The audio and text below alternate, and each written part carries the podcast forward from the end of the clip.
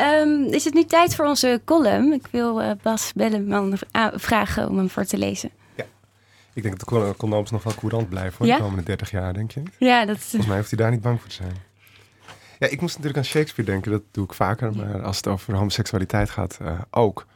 Want de seksualiteit van Shakespeare is altijd een probleem geweest. Eigenlijk al vanaf het begin van de idolatrie van Shakespeare.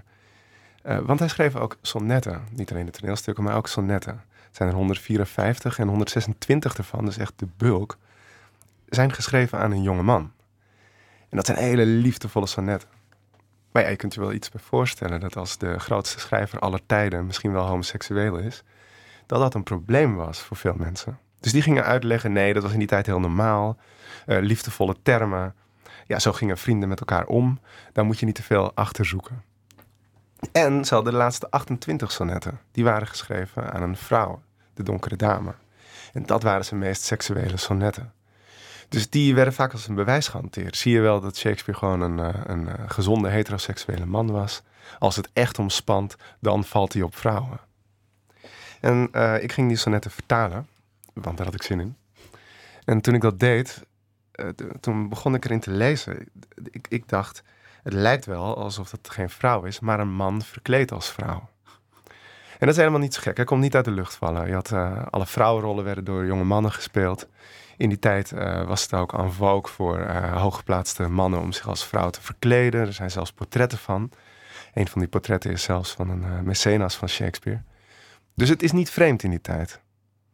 Dus ik dacht, nou, dat heeft al lang iemand gezegd. Maar dat bleek helemaal niet zo te zijn. Dus dat, kwam niet voor in de literatuur. Er werden allerlei hele subtiele beschouwingen over die jonge man gegeven. Met genderfluiditeit, een beetje man, beetje vrouw. En wat is het nou eigenlijk als er geen gender wordt genoemd?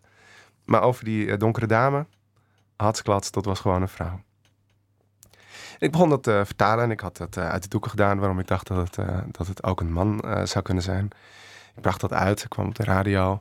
En toen uh, vroegen ze ook aan een andere vertaler, Peter Verstegen, wat die er nou van dacht dat ik dat uh, zei.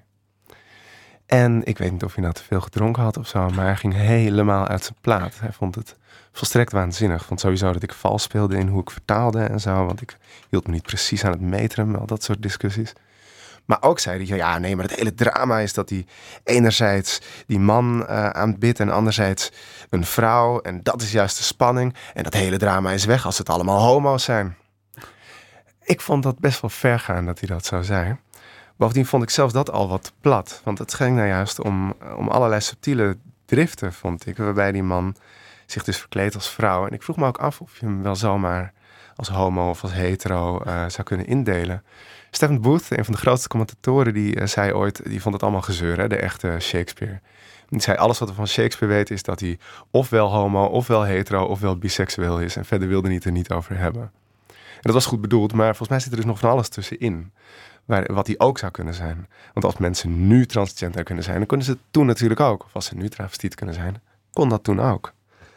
Um, en het interessante vind ik dat, dat juist dat hele idee dat hij op iemand zou vallen die ja, een perversie in feite na, najaagt.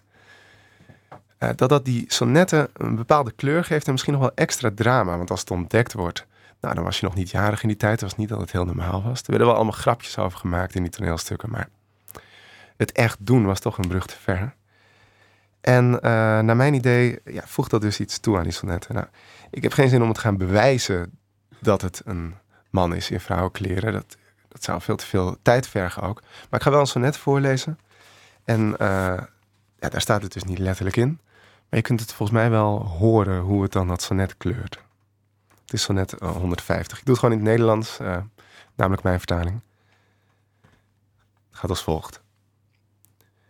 Van welke macht heb jij dit machtig vermogen dat jij mijn hart met onvermogen bestiert? Dat ik als leugenaars neersla mijn scherpe ogen en zweer dat het heldere licht de dag niet siert? Waar trof jij toch die charme van het kwaad, dat zelfs de allerlaagste van je streken nog zoveel kracht en vaardigheid verraadt, dat al het goede voor jouw kwaad is bezweken? Wie leerde jou dat ik steeds meer naar jou zou smachten? hoe meer ik reden hoor en zie voor haat. Als smacht ik naar dat wat anderen verachten, veracht niet samen met anderen mijn staat. Als jouw onwaardigheid mijn liefde doet stijgen, ben ik het des te meer waard jouw liefde te krijgen. En het hele idee dat die man zelf in die vrouwenkleren worstelt met zijn eigen perversies en eigenlijk neerkijkt op iedereen die die daarmee verleidt. Het hele idee dat Shakespeare denkt: dit kan toch eigenlijk niet? Ik zie een man, het lijkt een vrouw, wat moet ik hiermee? Dat idee, dat is zo modern dat het volgens mij twintig jaar geleden nog niet eens gelezen kon worden. En pas nu met alle ideeën over hij is een zij en over uh, dat soort aandacht, misschien ook wel door het werk van mensen als Gert Hekma, kun je eindelijk dat soort dingen gaan lezen.